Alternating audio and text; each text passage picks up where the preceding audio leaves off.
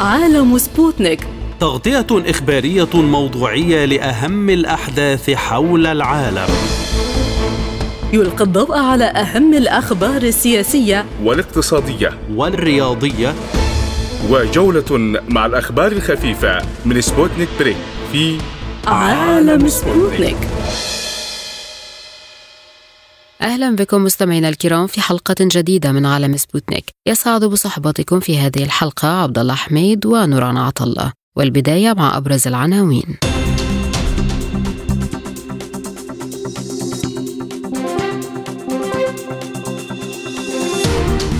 بوتين يقول إن رد روسيا على التهديدات لن يقتصر على المدرعات وحدها ويجب على الجميع فهم ذلك. رغم بعض التوتر وزير الدفاع التركي يعلن أن الوفود العسكرية لتركيا وروسيا وسوريا ستجري قريبا محادثات على المستوى الفني. السودان يضع اللمسات الأخيرة لاتفاق التطبيع مع إسرائيل في انتظار حكومة مدنية. وزير الخارجية السعودي يقول أن العراق يلعب دورا أساسيا في استقرار المنطقة. اقتصاديا البنك المركزي المصري يقرر تثبيت سعر الفائدة.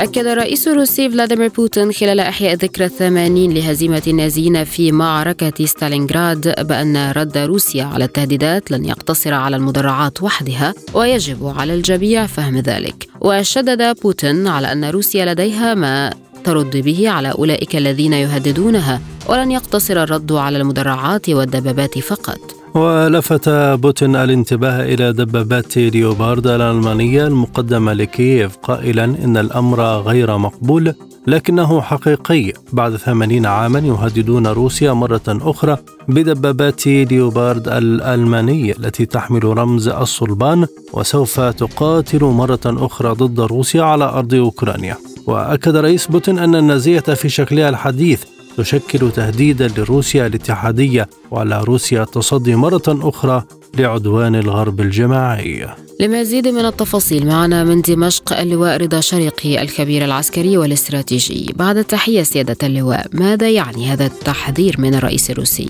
في الحقيقة آه، الرئيس بوتين دائما عقلاني في موضوع آه، التصريحات التي يطلقها ويطلقها بناء على مبررات آه، يعني مبررات كثيرة تؤكد أن تؤكد هذه المبررات أن الجانب الآخر الجانب الغربي وعلى رأس الولايات المتحدة الأمريكية لن تهدأ إلا أن تحاول الانتصار على روسيا الاتحاديه. هذا الأمر آه، يعني لا يقبله لا الرئيس بوتين ولا الشعب الروسي وبالتالي آه، لابد من تصريحات مقابل ذلك لمواجهه هذه التحديات الغربية الأمريكية بشكل عام. عندما تعلن الولايات المتحدة عن تزويد الجيش الأوكراني بابرامز الدبابات أبرامز والألمان بالدبابات ليوبار والإنجليز بالتشالنجر والفرنسيين بالنيو nuclear الفرنسية وعندما تعلن الدول الغربية انها ستنشئ معامل للأسلحة في بولندا. وعندما يعني تريد الولايات المتحدة الأمريكية أن تقدم ال F 16 للجيش الاوكراني فاذا لا مجال اطلاقا للمتابعة في موضوع السلاح التقليدي فقط. من هنا كان تحذير الرئيس بوتين لهذه الجهات الغربية بأن الكرة تتدحرج كما ذكرنا سابقا بأن هذه الأسلحة ستدمر وستدفعون بالكثير من الأسلحة الجديدة حتى نصل إلى مرحلة يمكن أن نستخدم بها الكبس على الزر النور هذا الأمر لا يستحبه لا الشعب الروسي ولا الرئيس الروسي ولكنه يلوح به أو يهدد به أو يعني يذكر به بأن هذا السلاح هو من متناول يدنا. وأنتم تعلمون يقول للغرب أنتم تعلمون بأن الصواريخ الروسية يعني آه، بما تحمله وبالسرعات الفرق الصوتية التي تتميز بها. هذه الأسلحة قد تكون لها فعاليتها الكبرى على الجميع. وهذا تهديد تهديد لكم ويمكن أن يكون اضرار بشكل عام بالناس جميعا. ولكن لابد من أن تهدأوا عن تقديم هذا الدعم اللا محدود للجانب الأوكراني، لأننا نحن أصحاب حق في هذه الحرب ونحن لا نريد إلا أن نبعد الخطر عن بلادنا، فكان عقلانيا جدا في موضوع تصريحاته ولم يكن في يوم من الأيام يهدد الأمن الأوروبي أو الأمن الغربي. كيف يمكن أن يكون الرد على هذا الدعم العسكري لأوكرانيا من الغرب؟ كما كما يحصل الآن يعني الجيش الروسي هو يعني آه، آه، قاب قوسين أو ادنى من عملية دحر القوات الأوكرانية بشكل عام ومن يدعمها أيضا.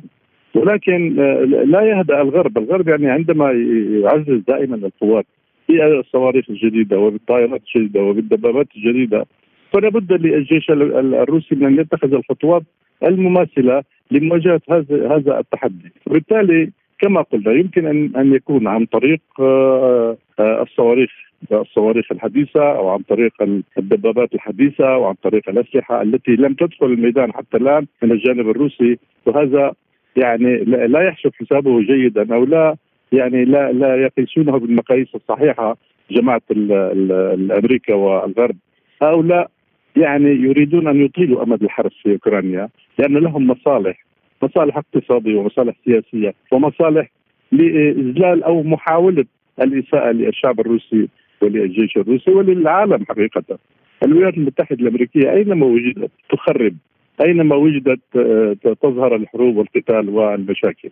فلولا الولايات المتحدة الأمريكية لما كان لما كان هذا الرجل زيلينسكي في في في في أوكرانيا ولما حصل ما حصل في في أوكرانيا. ولولا الولايات المتحدة الأمريكية لم يكن هناك في العالم مشاكل كما هي هي هي اليوم. واليوم العالم مهدد بحروب طاحنة في كل المجالات حتى نصل إلى مرحلة يمكن أن تكون خطر على البشرية جمعاء. ما يحصل في آه، بحر الصين وما يحصل في الشرق الأوسط وما يحصل في أمريكا الجنوبية كله وراءه الولايات المتحدة الأمريكية التي لا تريد أن تتنازل عن عرش الهيمنة العالمية أن تبقى القطب الوحيد في العالم. ولكن العالم يتغير وستضطر مكرهه إن كان بنتائج آه، وجودها في الشرق الأوسط. وهنا يمكن الإشارة إلى أنها ستندحر من الشرق الأوسط اجلا أم اجلا وبالإشارة إلى ما حصل في في في البرازيل وفي أمريكا الجنوبية بشكل عام وما حصل في وما حصل في بحر الصين وسيحصل. الصين ستعود لا ستعيد سيطرتها على الدول أو على الجزر التابعة لها شاء من شاء وابى من ابى، وبالتالي الولايات المتحدة الأمريكية هي مصدر مصدر القلق أو مصدر الحروب في العالم وهذا الأمر يدركه الرئيس بوتين وهو يتعامل مع هذه القضية على أساس وطني وعلى أساس مصالح بلاده. لماذا يستمر الغرب في إطالة أمد هذا النزاع رغم كل الخسائر التي يتكبدها؟ حقيقة أنا أشعر أن هناك خطأ أوروبي فادح في هذه المسألة لأن أوروبا ستكون خاسرة رقم اثنين بعد أوكرانيا في هذه الحرب، والرابح الأكبر في هذه الحرب هو الولايات المتحدة الأمريكية من وراء تصنيع الأسلحة ومن وراء يعني ما ما تستطيع حظه من هذه الحروب من الناحية السياسية ومن الناحية العسكرية ومن الناحية المادية، وبالتالي هم يريدون إطالة الحرب لخلق جو مضطرب في المنطقة يسيء إلى اقتصاد العالم وخاصة الاقتصاد الروسي كما يحاولون وكما يعملون وكما يفكرون.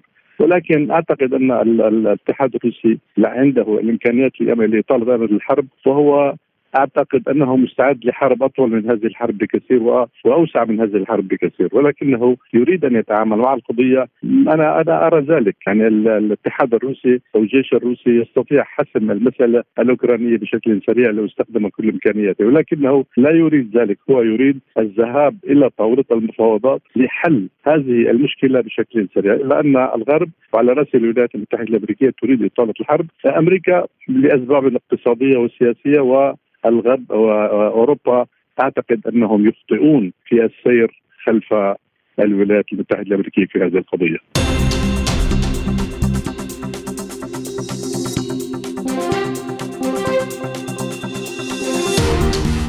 أعلن وزير الدفاع التركي خلوصي أكار أن الوفود العسكرية لتركيا وروسيا وسوريا ستجري قريبا محادثات على المستوى الفني وأعلن أكار في الرابع من يناير أن المحادثات الثلاثية بين وزارات دفاع تركيا وروسيا وسوريا ستستمر حيث تأمل أنقرة في استمرار معقول للعملية. وقال وزير الدفاع إن موقف تركيا من الاشتباع في موسكو هو الدفاع عن البلاد والشعب ومن غير الوارد فعل أي شيء ضد الإخوة السوريين سواء في تركيا أو في سوريا. وأضاف أكار أنه يجب ألا تعتمد على أخبار غير واقعية وتقبل المواقف الأخرى وبحسب قوله فإن الدوريات المشتركة بين تركيا وروسيا قد يتم تطويرها شمالي سوريا دون أن يحدد تفاصيل. من إسطنبول ينضم إلينا المحلل السياسي السيد فايق بولت. أهلا بك سيدي الكريم. في أي إطار تأتي هذه المحادثات بين وفود روسيا وتركيا وسوريا؟ يعني بعتقد الأساسي هو الأمن. واستقرار في المنطقة وتفاصيلها قد تكون تتركز على مثلا على سبيل المثال على يعني مسألة الحركة الكردية ومسألة هذه الجهاديين جماعة الجهادية موجودة في الإدلب وطبعا جماعات جماعات مدعومة من تركيا أيضا. هذه خلينا نقول ائتلاف المعارضة السورية المدعومة من تركيا. وهذه الأمور بعتقد. ماذا تعني هذه الاجتماعات على المستوى الفني وليس على المستوى السياسي المتمثل في وزراء الخارجية؟ وزراء الخارجية ممكن يعني يعني تناقش طبعا لإيجاد النقط المشتركه حاليا يعني متعلقة بالفترة الحالية ومتعلقة أيضا بالازاز تم التفاهم بينهما أو بينهم قد تكون تمهيدا للقاء يعني خلينا نقول قمة الثلاثية بين الدول الثلاثة. إلى أي حد تتأجل لقاءات المستوى السياسي؟ هل هناك متطلبات معينة مثلا؟ يعني متطلبات سوريا معروفة يعني من من البداية ثوابت سوريا معروفة هي إنه ينسحب الجيش التركي في تلك المناطق التخلي تركيا عن هذه الجماعات الجماعتين جماعة خلينا جبهة هيئة هيئة التحرير الشام والائتلاف السوري المدعوم من تركيا فأن ترك أو تخلي عن هذه الجماعات ونقطة أخرى ممكن أن تكون أنه مسألة مشتركة أيضا لإيجاد لا أقول حلا ولكن طرقا معينة أو طرق مؤدية ممكن أن تكون أنه محاصرة الحركة الكردية بشكل والآخر منها طبعا تدخلات التركية معروف هذه التدخلات العسكرية التركية ولكن هناك طبعا في يعني خلينا نقول اختلاف في الرأي لأن تركيا تريد أن تركز على على خلينا نقول قيام بعملية مشتركة أو حركة حتى حراك المشترك ضد الحركة الكردية لمحاصرتها واجبار اجبارها ممكن نقول لانسحاب أو 30 كيلو متر إلى عمق سوريا أو لتقارب بين دمشق وطبعا حسكه يعني الحركة الكردية والنظام السوري. هذا الشيء الأساسي. ولكن يعني سوريا لا تريد أن تعطي أولوية لهذه السنة هذه المسألة إنما تعطي أولوية أولوية سوريا تختلف عن أولوية التركية. يعني هذه الأمور بعتقد أنه سوف تناقش بشكل آخر. فيما بعد ممكن معروف يعني هناك يعني ممكن أن نقول قبول أنه انضمام إيران أيضا لهذه المحادثات المحادثات الثلاثية أو مسار خلينا نقول تقارب التركي والسوري وهل أنقرة جاهزة لأي تنازلات يمكن أن تقدمها للتسوية مع دمشق؟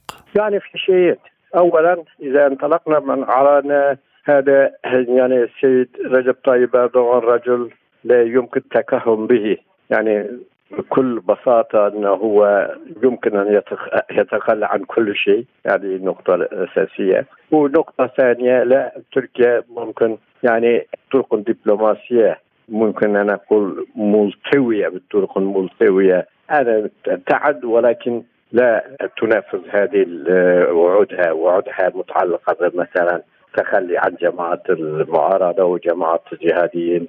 موجودة في منطقة وانسحابها ممكن تقول إنه خلينا نعمل تقويم تقويم الانسحاب على مراحل معينة كذلك. فهذه النقط أعتقد صعب بالنسبة لسوريا. سوريا لا تعجل لا تستعجل أيضا بهذا الشكل ولكن تركيا تستعجل لأن يعني هناك انتخابات يعني تركيا تريد أن تسجل نقطة معينة إنه نحن تفاهمنا مع سوريا وكذا وكذا.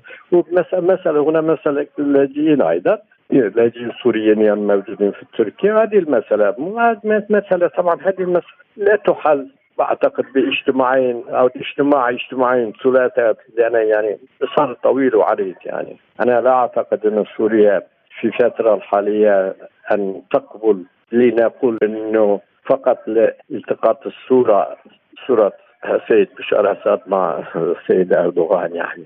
يعني اتخاذ صورة يعني لا تكفي لسوريا لا لا تؤمن سوريا أيضا. أخيرا ما هو شكل الخلاف العسكري بين تركيا وسوريا على الأرض حاليا خاصة وأن تركيا لم تقوم بعملية في الشمال السوري؟ عدم قيام تركيا بعملية عسكرية هي مرتبطة طبعا بموافقة الدولتين.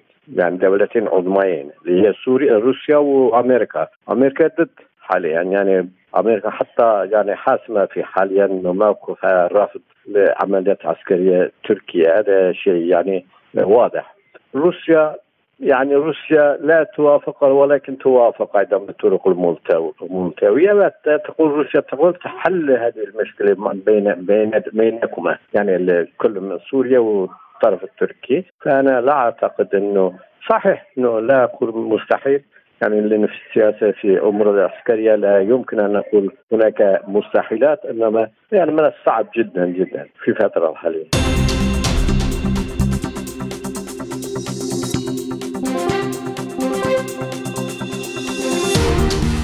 أعلنت وزارة الخارجية السودانية أنه تم الاتفاق على المضي قدما في سبيل تطبيع العلاقات مع إسرائيل خلال زيارة وزير الخارجية الإسرائيلي إيلي كوهين والوفد المرافق له للخرطوم. والتقى كوهين خلال الزيارة وزير الخارجية المكلف السفير علي الصادق وعددا من المسؤولين في الدولة كما التقى في ختام الزيارة برئيس مجلس السيادة الانتقالي الفريق أول ركن عبد الفتاح البرهان. وأعلن كوهين أنه سيتم توقيع اتفاق سلام مع الخرطوم بعد إتمام انتقال السلطة في السودان. هذه الأنباء أدت إلى ردود فعل غاضبة داخل السودان وخارجه حيث أصدر المؤتمر الشعبي في السودان بيانا شديد اللهجة ضد الاتفاق على تطبيع العلاقات مع إسرائيل. أكد فيه تضامنه مع الشعب الفلسطيني وأن الحكومة الانتقالية الراهنة لا يحق لها اتخاذ أي موقف في القضايا الأساسية والمصيرية. من جانبها قالت حركة الجهاد الإسلامي إنه من العار على حكام دولة عربية بمكانة السودان وشعبها أن تدنسها أقدام المتطرفين والفاشيين الصهاينة الذين احتلوا القدس وفلسطين.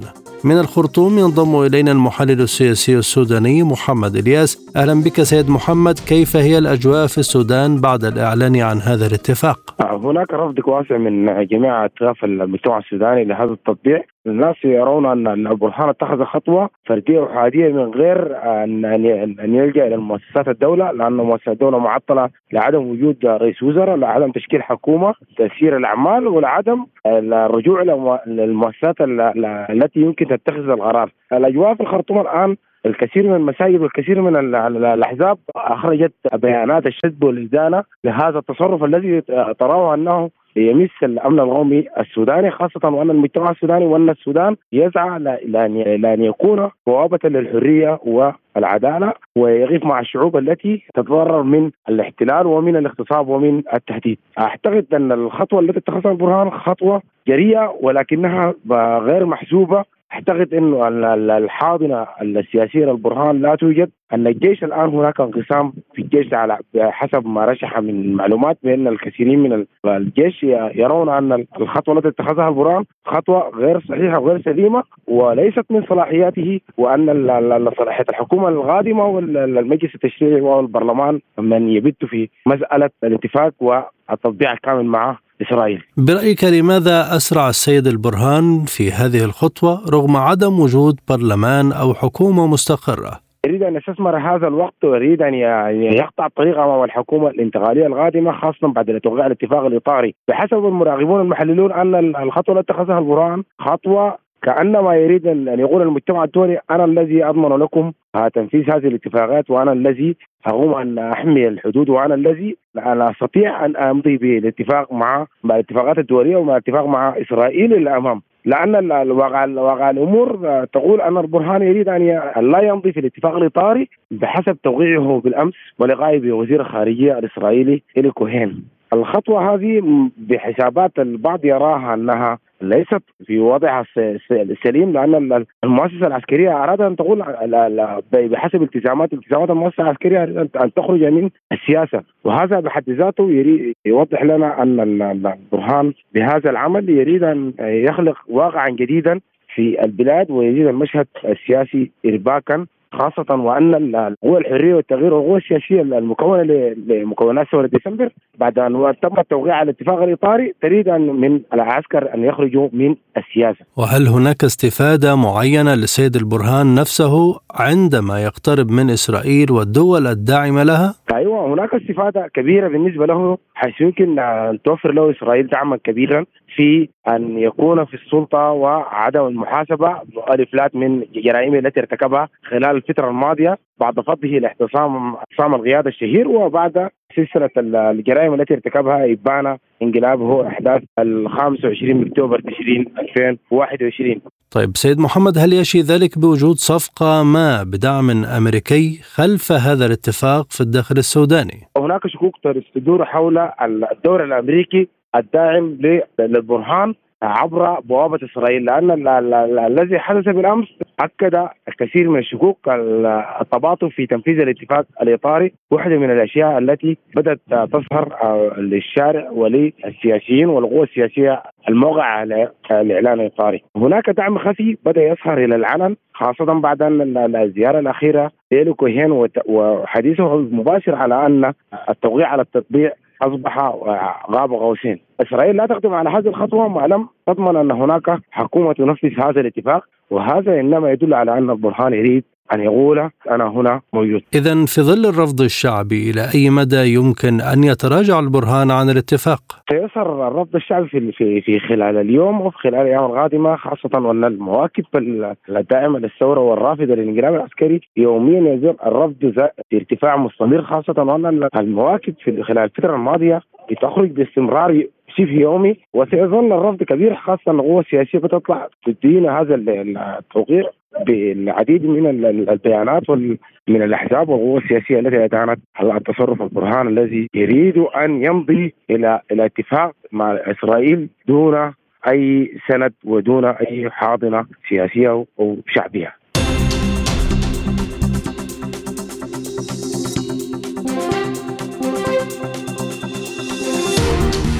أكد وزير الخارجية السعودي الأمير فيصل بن فرحان أن العراق يلعب دورا أساسيا في تعزيز الاستقرار بالمنطقة مشيرا إلى أن المملكة تدعم جهود الحكومة العراقية في تعزيز الاستقرار.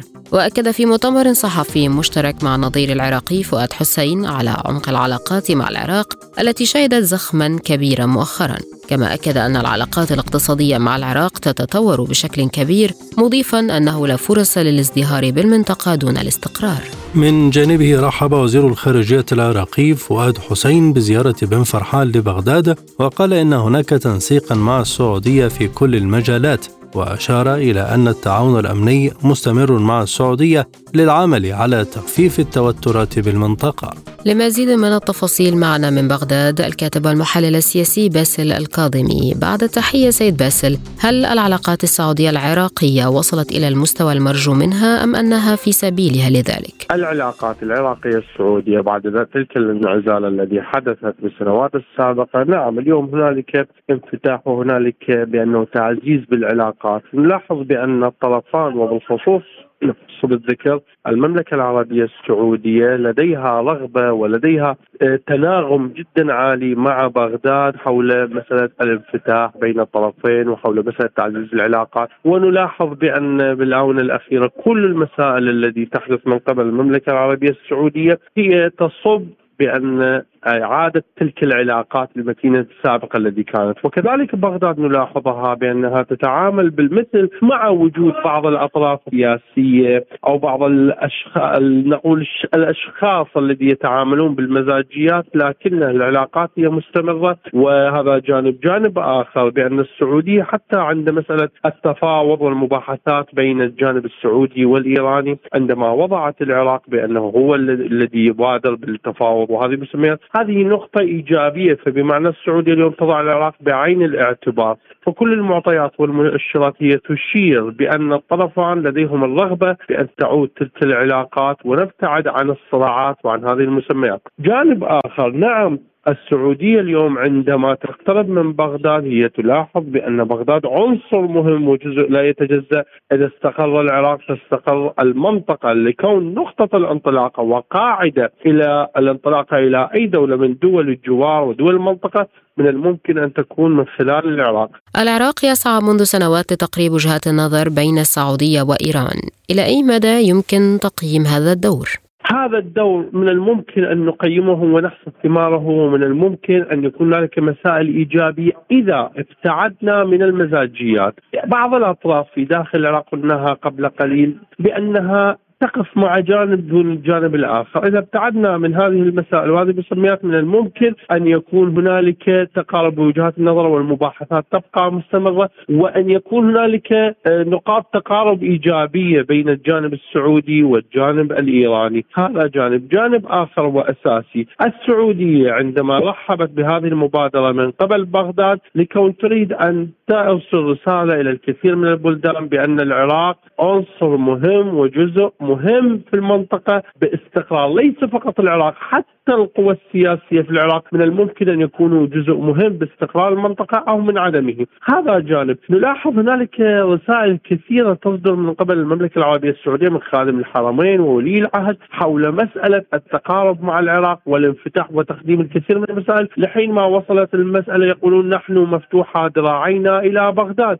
وكذلك لاحظنا حتى سفيرهم في بغداد عبد العزيز الشمري يحاول دوما وتكرارا أن ينقل رسالة إيجابية ورسالة الاطمئنان بين بغداد وبين الرياض، فهذه المسائل كلها ومن ضمنها اختيار سفير بهذه المواصفات وهذه المعايير بأن السعودية ليس لديها رغبة بأنه أن يبقى العراق على عزلة، لديها رغبة بأن العراق يعود من جديد، فنتوقع هذه المفاوضات بين الرياض وبين طهران سوف تكون هنالك مسائل إيجابية لكون الرياض قلتها قبل قليل لديها الرغبة بأن يدخل العراق عنصر بهذه المفاوضات. ما الذي يحتاجه العراق من السعودية حاليا وما الذي تحتاجه السعودية أيضا من العراق؟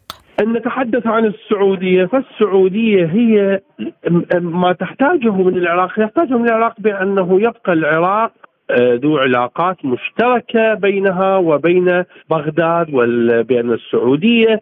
كذلك تحتاج من العراق بانه أن يبقى تحت الخيمة العربية ويسعون بشتى الوسائل أن ترحل تلك الأزمان الماضية بأن يبقى العراق على عزلة والمشاحنات لكون هم الذي يذكرونها بأن ابتعاد العراق وانعزال العراق لا يصب بخدمه الوطن العربي وعلى راسها المملكة العربية السعودية، جانب آخر نتحدث ماذا يحتاج العراق من السعودية، السعودية تمتلك إمكانيات من الممكن أن تساعد العراق وتساند العراق بالبناء والإعمار والكثير من الأصعدة لكون العراق بأحوج الظروف إلى هذه الجوانب، جانب آخر لا لا يمكن أن نستخف بامكانيه السعودية والمملكة العربية السعودية وليس هي دولة صغيرة أو دولة فقيرة وهذه المسميات، فمن الممكن أن تقدم الكثير من المسائل السعودية إلى بغداد، كذلك جانب آخر لاحظنا بأن الكثير من التصريحات والوعود التي وعدتها المملكة العربية السعودية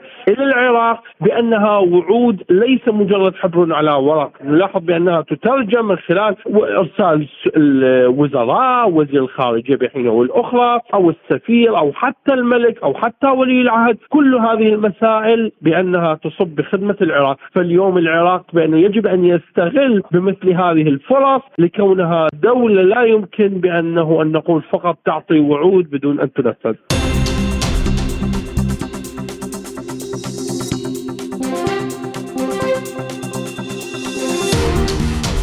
قررت لجنة السياسة النقدية للبنك المركزي المصري الإبقاء على سعري عائد الإيداع والإقراض وسعر العملية الرئيسية للبنك المركزي عند مستوى 16.25% من 100% و17.25% من 100% و16.75% من 100% على الترتيب. كانت لجنة السياسات النقدية قالت خلال اجتماع في الثاني والعشرين من سبتمبر الماضي والذي قررت فيه الإبقاء على سعري عائد الإيداع والإقراض وسعر العملية الرئيسية للبنك المركزي عند مستوى 11.25% و 21.25% و 11.75% على الترتيب. إن أسعار العائد الأساسية الحالية مع زيادة نسبة الاحتياطي النقدي التي تلتزم البنوك بالاحتفاظ بها لدى البنك المركزي المصري تتسق مع تحقيق هدف استقرار الأسعار على المدى المتوسط. وأشارت إلى أن اللجنة تدرس تأثير قراراتها على توقعات التضخم آخذة في الحسبان أنه لا يزال أثر قراراتها السابقة برفع أسعار العائد الأساسية بمقدار 300 نقطة أساس خلال عام 2022 ينتقل إلى الاقتصاد. حول الموضوع ينضم إلينا من القاهرة الدكتور عبد النبي عبد المطلب الخبير الاقتصادي أهلا بك دكتور كيف يمكن تقييم هذه الخطوة رغم رفع أغلب الدول سعر الفائدة؟ أنا شخصيا آه، يعني لا أستطيع أن أفهم تصرف أو قرار البنك المركزي الأخير بتثبيت سعر الفائدة. في الشهر الماضي فاجأنا البنك المركزي آه، برفع معدل الفائدة ب 300 نقطة أساس مرة واحدة بعد مراحل تثبيت. المشكلة أن هذا التثبيت في هذا الشهر سوف يجبر البنك المركزي في الفترة القادمة على اتخاذ قرارات أكثر حدة. أيضا البنك المركزي في قراره في ديسمبر الماضي رفع نسبة الالتزام القانوني أو الاحتياطي الإلزامي اللي المفترض إن المصارف المصرية تضعه لدى البنك المركزي إلى حوالي 18% وبالشكل وبهذا الشكل يعني أنا في اعتقادي إن هو غل يد الجهاز المصرفي عن تقديم الائتمان. يعني إذا كنا نتحدث عن أن تثبيت سعر الفائدة كان الغرض منه تشجيع الاستثمار أو الحصول على نوع من أنواع الاستقرار في السوق فزيادة آه، الاحتياطي الإلزامي لدى البنك اللي المفترض أن أن تحتفظ به البنوك أو المصارف المصرية لدى البنك المركزي يعني يقوض آه، هذا الهدف. وأنا شخصيا كنت أعتقد أن الأفضل استمرار في سياسات آه، رفع سعر الفائدة بوتيرة ثابتة يعني 100 نقطه أساس كل مرة أفضل من التثبيت ثم الرفع ب 300 نقطه أساس ثم هذا التثبيت ولنا أعتقد أنه سوف تتبعه في المراحل القادمة قفزة كبيرة في معدل سعر الفائدة. اذا دكتور ما هو شكل القرارات الأكثر حدة التي أشرتم لها؟ يعني في البداية البنك المركزي يعني جزء من المشاكل الرئيسية التي يعاني منها الاقتصاد المصري حاليا وهو ارتفاع الأسعار بنسب تزيد عن 50% في بعض السلع و100% لسلع أخرى وارتفاع التضخم اللي يصل حاليا إلى 24.4 طبقا لبيانات البنك المركزي. كانت قرارات البنك المركزي التي اتخذها في فبراير العام الماضي وهي بتقييد حركة الاستيراد مما اثر على حركة التجارة الخارجية بوجه عام وأيضا عدم وجود خامات أو مستلزمات إنتاج وبذلك فقدت الصناعة المصرية جزء مهم جدا من مدخلات إنتاجها، فقدت ال ال يعني إنتاج بعض السلع الأساسية الاستهلاكية مثل اللحوم ومثل الدواجن آه، مكونات الإنتاج مثل الأعلاف وغيرها من الأدوية والأعلاف، أيضا معلوم أن سياسات تقييد الاستيراد أدت إلى مشاكل في استيراد القمح، استيراد الزيوت، واستيراد الكثير من السلع. والآن يعني كما نرى يعني أسعار اللحوم البيضاء والحمراء يعني بالتأكيد ارتفعت بنسبة تفترض من 100% أسعار الزيوت والسلع الاستهلاكية ارتفعت بنسبة تتراوح ما بين 50 إلى 80%. إلى ماذا يحتاج البنك المركزي لوقت حتى يتخذ قرارات جديدة وهل تتأثر أسعار السلع مع هذا التوقيت؟ هذا التوقيت لا يعد استثناء يعني لا توجد فترة معينة نستطيع أن نقول أن زياده الاستهلاك بيزيد فيها، يعني صحيح ما زال على رمضان أكثر من شهر، عادة كان ارتفاع الأسعار يعني بيتراوح ما بين 10 إلى 15% في دخول رمضان نفسه. يعني هذا التوقيت لا يعد توقيتا استثنائيا. لكن زي ما قلت لحضرتك إن قرارات البنك المركزي بخصوص الدولار يعني من حوالي شهر ارتفع الدولار خلال يوم واحد من حوالي 26 جنيه لكل دولار. إلى 32 و30 يعني 32.3 جنيه لكل دولار ثم عاد للانخفاض قليلا إلى ما دون ال 30 جنيه ثم بدأ يرتفع في مطلع هذا الأسبوع. عدم الاستقرار في سوق سعر الصرف عدم وضوح الرؤية بشأن خطط البنك المركزي المستقبلية يعني موضوع تثبيت سعر الفائدة. كل الخبراء اللي كانوا بيتحدثوا عن المشاكل الاقتصاديه الموجودة وارتفاع معدل التضخم كان لديهم توقعات بأنه لو هناك سياسة حكيمة لدى البنك المركزي فمؤكد أنه كان سيرفع سعر الفائده صحيح البعض قال إن يعني عندما تتحدث عن سعر العائد حوالي 16 وربع وسعر الإقراض حوالي 17 وربع في ظل تضخم 24.4 يعني غير مقبول على الإطلاق، لكن كنا نقول إنه إن لم يصل إلى مستوى ال 20 بمعنى إن لو لم يرفع البنك المركزي آه، معدل الفائدة بحوالي من 300 إلى 400 نقطه أساس فعلى الأقل كان ممكن رفعها ب 100 آه، نقطة أساس. هذه التصرفات أو هذه القرارات التدريجية بتجعل التقلبات في السوق أقل حدة، لكن تتخيل انت تثبيت سعر الفائدة آه، هذا الشهر. أي رجل أعمال أو مستثمر أو حتى مهتم بالاقتصاد إن كان بالاقتصاد والاستثمار أو حتى بالبورصة وغيره ماذا سوف يكون إعداده للقرار القادم من البنك المركزي فسوف يتوقع أن الزيادة سوف تكون مضاعفة ومن هنا سوف يفكر ألف مرة قبل أن يتخذ قراره بالاستثمار في مصر ما هي السيناريوهات إذا المناسبة للتعامل مع الوضع الحالي؟ يعني أنا أنا من وجهة نظري أن يجب أن يكون يعني هناك خطة مدروسة ومعلنة. يعني البنوك المركزية سواء في أوروبا أو في أمريكا أو في غيرها من الدول دول العالم. يعني البنك مجلس الاحتياط الفدرالي الأمريكي من أكثر من عام ونصف وهو يقول أنه سوف يستمر في رفع سعر الفائدة حتى يتمكن من خفض معدلات التضخم. ومن هنا من يريد أن يتعرف أو يتخذ قرار بالاستثمار سواء في أمريكا أو في سندات الخزانة الأمريكية. لديه المعلومة الواضحة لما سوف تكون عليه سعر الفائدة في نهاية عام 2023 في مصر هذا غير موجود. فعلى الأقل بداية يجب أن يكون لدينا خطة واضحة ومعلنة حتى يستطيع من يريد الاستثمار في مصر أن يتخذ هذا القرار. الجزء الثاني يجب أن يكون هناك بالفعل تنسيق حقيقي ما بين مكون يعني إدارة السياسة النقدية والمالية والاقتصادية والتجارية بشكل عام حتى للوصول إلى مزيج من هذه السياسات يمكن من الدفع للامام، لكن عندما يعني يتم اتخاذ سياسات نقدية تقييدية بمعنى ان آه، منع تمويل الواردات أو اشتراط أن يكون آه، السماح بدخول الواردات يجب أن يكون من خلال الاعتمادات المستندية بمعنى أن يتم سداد القيمة بالكامل، يعني ماذا تنتظر أن تفعل التجارة الخارجية؟ بالتأكيد تتوقف حركة الاستيراد وجزء من الصادرات معتمد على آه، واردات مستوردة فبتتوقف حركة الصادرات، فيعني عندما تعمل السياسات في جزر منعزلة بتتؤدي في النهاية إلى التوقف والعرقلة والمشاكل ولا تؤدي إلى التقدم والنمو. فاصل قصير ونذهب بعده إلى جولة إخبارية حول العالم. عالم سبوتنيك يغطي جميع الأحداث السياسية والاقتصادية والرياضية حول العالم. على مدار ساعة تتابعون عالم سبوتنيك مع أهم خبراء التحليل السياسي والاقتصادي.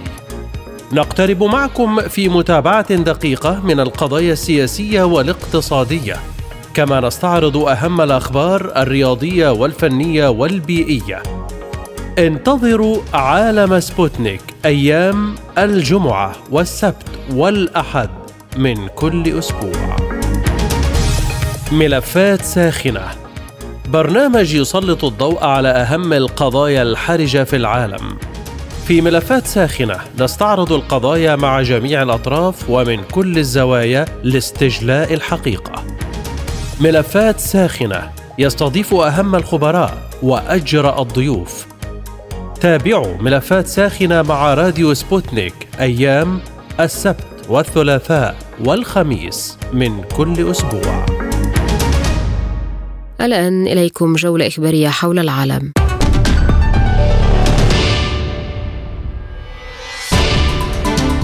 نفى المتحدث باسم الكرملين صحة الأنباء التي تحدثت عن زيارة مدير وكالة الاستخبارات الأمريكية ويليام بيرنز إلى موسكو واقتراحه التنازل عن 20% من الأراضي الأوكرانية لروسيا مقابل السلام. كما نفت واشنطن التقرير الذي أوردته صحيفة سويسرية والتي تحدثت عن هذه المزاعم. أعلن مستشار رئيس جمهورية دونيتسك الشعبية إيغور كيماكوفسكي أن الجيش الروسي يتقدم نحو أوغليدار في حلقة نصف دائرية من الشرق والجنوب الشرقي لأحكام السيطرة واستعادة المدينة.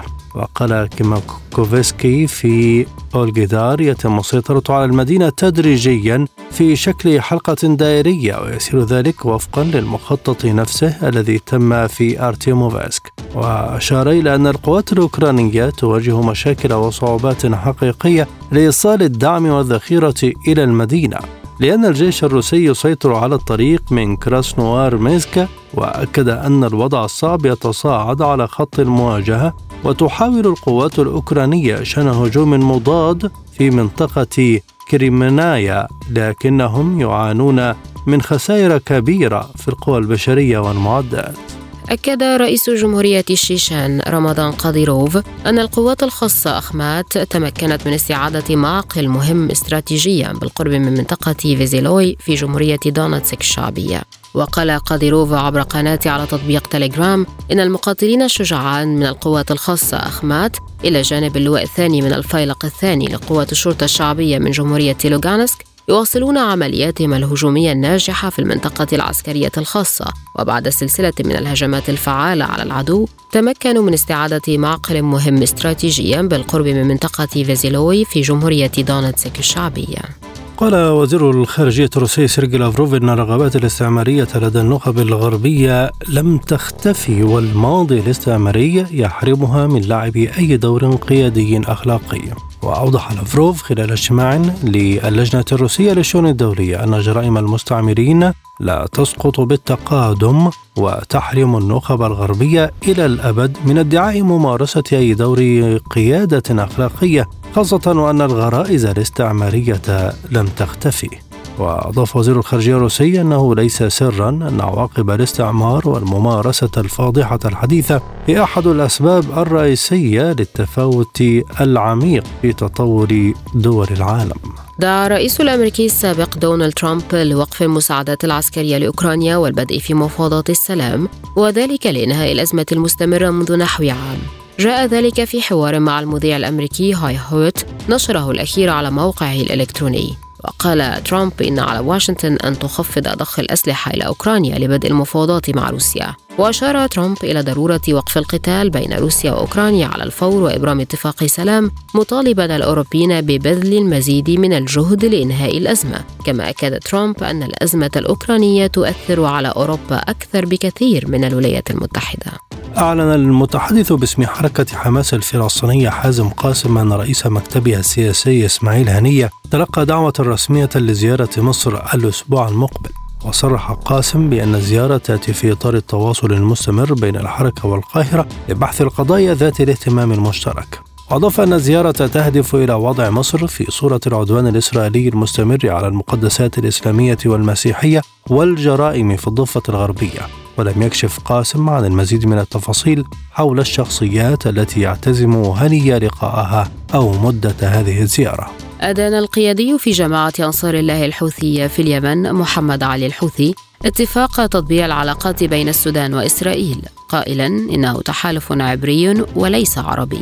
وكتب الحوثي في تغريدة على تويتر السودان يقتل اليمنيين ويسالم اليهود الإسرائيليين. هذا هو تحالفهم العبري وليس العربي. وطالب الحوثي أحزاب السودان بالثبات على وطنيتها وعروبتها ورفض ما يحدث بكل الوسائل.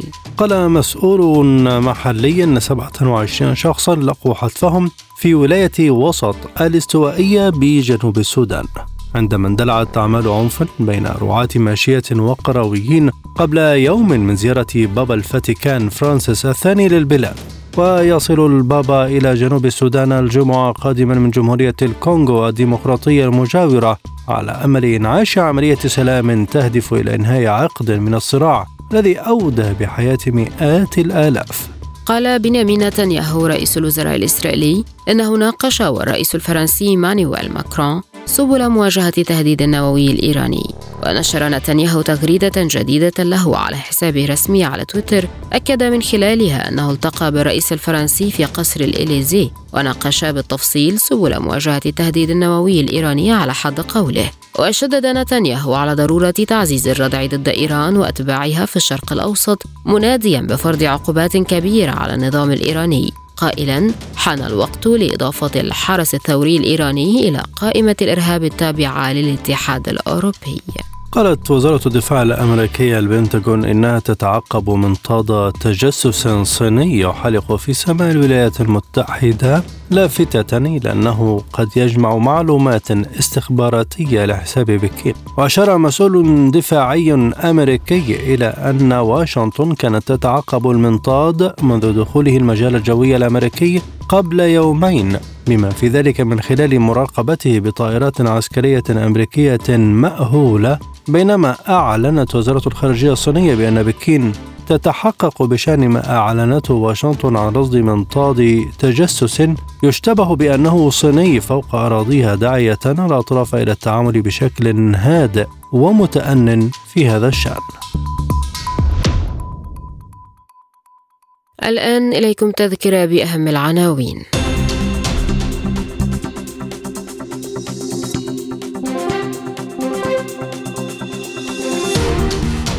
بوتين يقول إن رد روسيا على التهديدات لن يقتصر على المدرعات وحدها ويجب على الجميع فهم ذلك. رغم بعض التوتر وزير الدفاع التركي يعلن أن الوفود العسكرية لتركيا وروسيا وسوريا ستجري قريبا محادثات على المستوى الفني السودان يضع لمسة الأخيرة لاتفاق التطبيع مع إسرائيل في انتظار حكومة مدنية وزير الخارجية السعودي يقول إن العراق يلعب دورا أساسيا في استقرار المنطقة. واقتصاديا البنك المركزي المصري يقرر تثبيت سعر الفائدة. الآن إلى جولة مع أخبار الاقتصاد.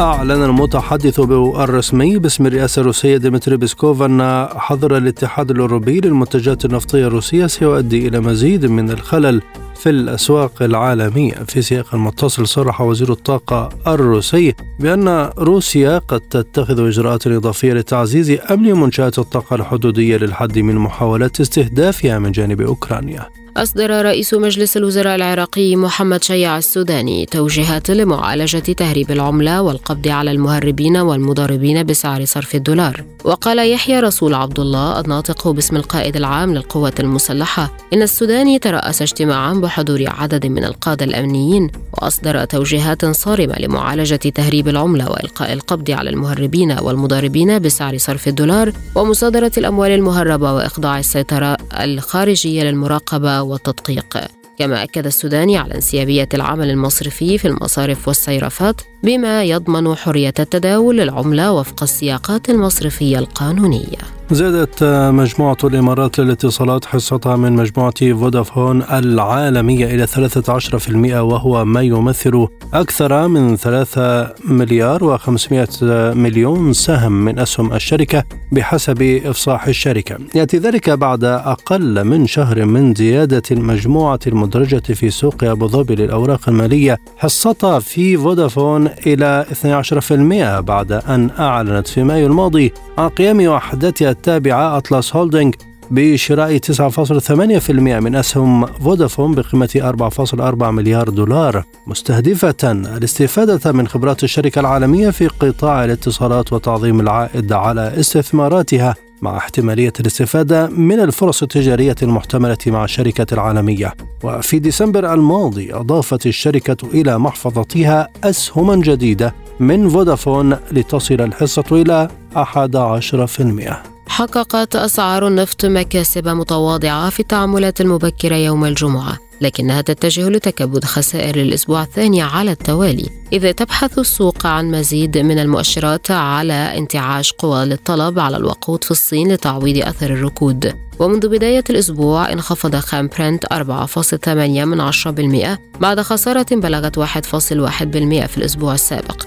وتراجع خام غرب تكساس الوسيط 4.5% بعد هبوط 2% في الأسبوع السابق. وعزز احتمال حدوث انتعاش اقتصادي في الصين بعد تخفيف قيود كوفيد 19 سوق النفط منذ بداية العام إلى جانب ضعف الدولار الذي يجعل النفط أرخص لأولئك الذين يحوزون عملات أخرى. أظهرت بيانات رسمية أن التضخم السنوي في تركيا انخفض إلى 57.65% في يناير لكنه أعلى بكثير من التوقعات.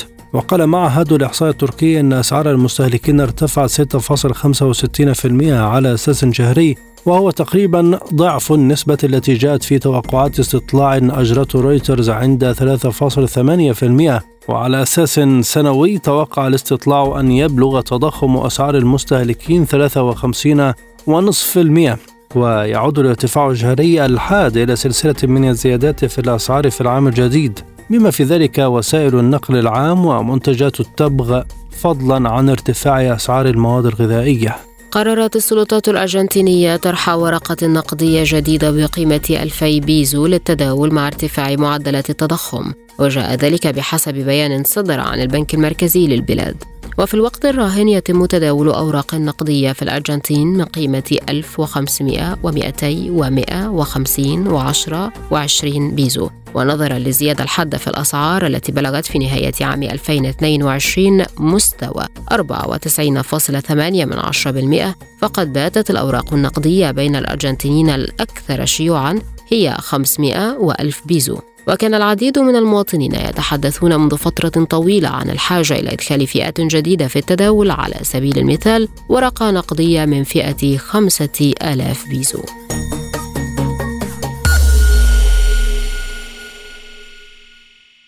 هذه وقفة مع أخبار الرياضة.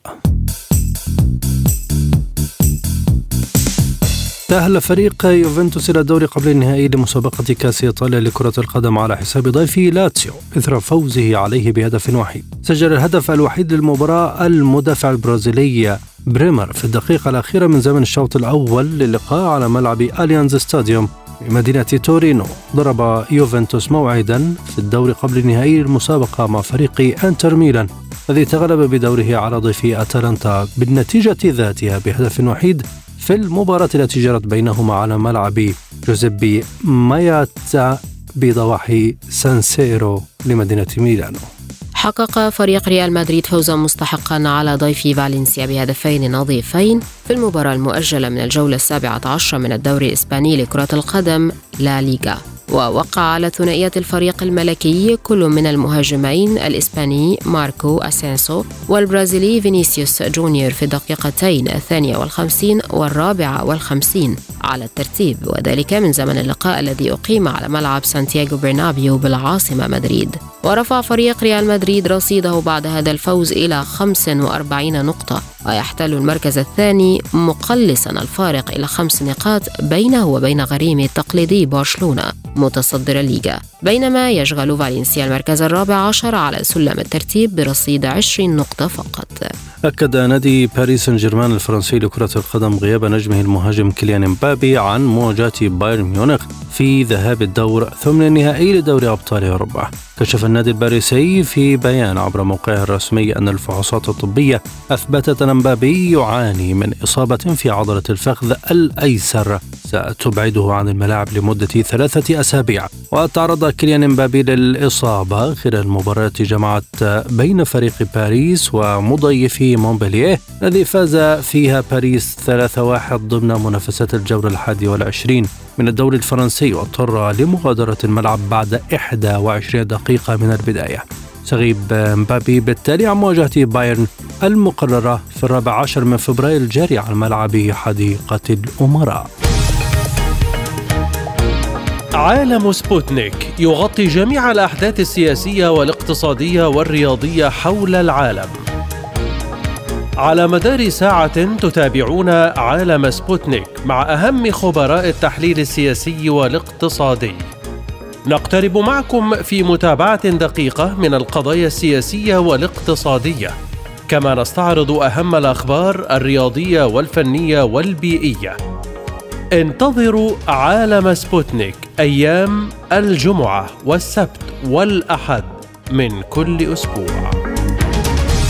مساحة حرة برنامج يسلط الضوء على أهم القضايا الاجتماعية والاقتصادية حول العالم. في مساحة حرة تنوع في الآراء وثراء في النقاش. مساحة حرة يأتيكم عبر راديو سبوتنيك الاثنين والخميس من كل أسبوع. الآن مستمعينا إليكم مجموعة من الأخبار الخفيفة وسبوتنيك break.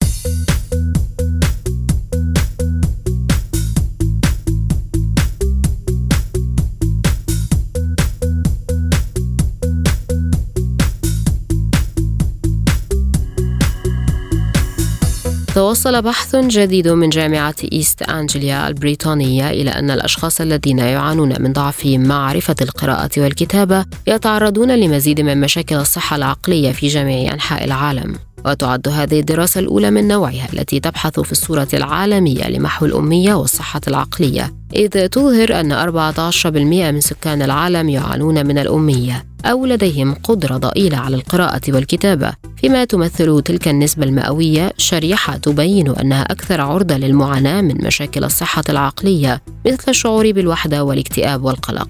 وأشارت الدراسة إلى أن انخفاض مستوى الإلمام بالقراءة والكتابة مرتبط بضعف الصحة والأمراض المزمنة وقصر متوسط العمر المتوقع مشيرة إلى أن هناك بعض الأبحاث التي تبحث في الارتباط المحتمل بين محو الأمية والصحة العقلية. كشفت دراسة جديدة أن تناول أقراص النوم بانتظام يمكن أن يزيد من مخاطر إصابتك بنسبة هائلة بالخرف تصل إلى 79% ووجدت الدراسة التي نشرت في مجلة مرض ألزهايمر أن أصحاب البشرة البيضاء لديهم مخاطر أعلى للإصابة بالخرف عند تناول أدوية النوم. أوضح فريق البحث أن نوع وكمية الدواء قد يكونان عاملين في تفسير هذا الخطر العالي. وتوصلوا إلى هذه النتائج من خلال النظر إلى حوالي ثلاثة آلاف من كبار السن غير المصابين بالخرف الذين يعيشون خيج دور رعاية المسنين. وتم تسجيل هذه المجموعة في دراسة الصحة والشيخوخة وتكوين الجسم وتم متابعتها على مدى تسع سنوات في المتوسط. رغم اقترابه من سن 56 عاما إلا أنه ما زال يواصل مسيرته الاحترافية في كرة القدم. إنه المهاجم الياباني كازيوشي ميورا والذي أعلن نادي أوليفيرينسي الذي يلعب في دوري الدرجة الثانية البرتغالي لكرة القدم أن ميورا سيواصل مسيرته الاحترافية في البرتغال وعمره 55 عام. وانضم كازيوشي ميورا الذي سيكمل عامه السادس والخمسين يوم السادس والعشرين من فبراير الجاري إلى صفوف فريق أوليفيرينسي على سبيل الإعارة قادما من نادي يوكوهاما الياباني ليعود الملك إلى أوروبا من جديد بعد 24 عاما ورغم تسجيل 55 هدفا في 89 مباراة دولية مع المنتخب الياباني بين عامي 1990 و 2000 لم يتم اختيار ميورا لتشكيلة كأس العالم عام 98 في فرنسا. بسبب خلاف مع المدرب وهي أكبر خيبة أمل له في مسيرته الكروية. كشفت تقارير صحفية أن زوجة البرازيلي داني ألفيش طلبت الانفصال عنه في عقب اتهامه بالاعتداء الجنسي واغتصاب إحدى الفتيات كما أكدت أن اللاعب مستعد لتقديم العديد من التنازلات مقابل نيل حريته مجددا. تم اعتقال اللاعب بعد استجوابه بمركز للشرطة في برشلونة بشأن مزاعم تتعلق بالاعتداء الجنسي كما فسخ نادي بوماس المكسيكي عقده معه. وقامت جوانا سانز زوجة اللاعب بحذف أغلب صورهما معا على حسابها عبر تطبيق الانستغرام. كما أشارت صحيفة ماركا أن محامي اللاعب تلقى طلب طلاقها من موكله وأن السبب الرئيسي هو خيانته لها سواء أقرت المحكمة بكونه مذنبا أم لا؟ أوضحت ماركا أن ألفيش يرفض لقاء جوانا أو أي شخص من عائلته داخل جدران سجن بريانس تو في مدينة برشلونة.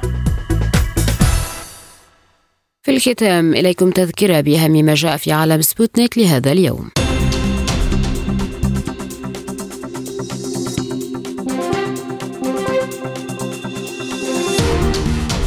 بوتين يقول إن رد روسيا على التهديدات لن يقتصر على المدرعات وحدها ويجب على الجميع فهم ذلك.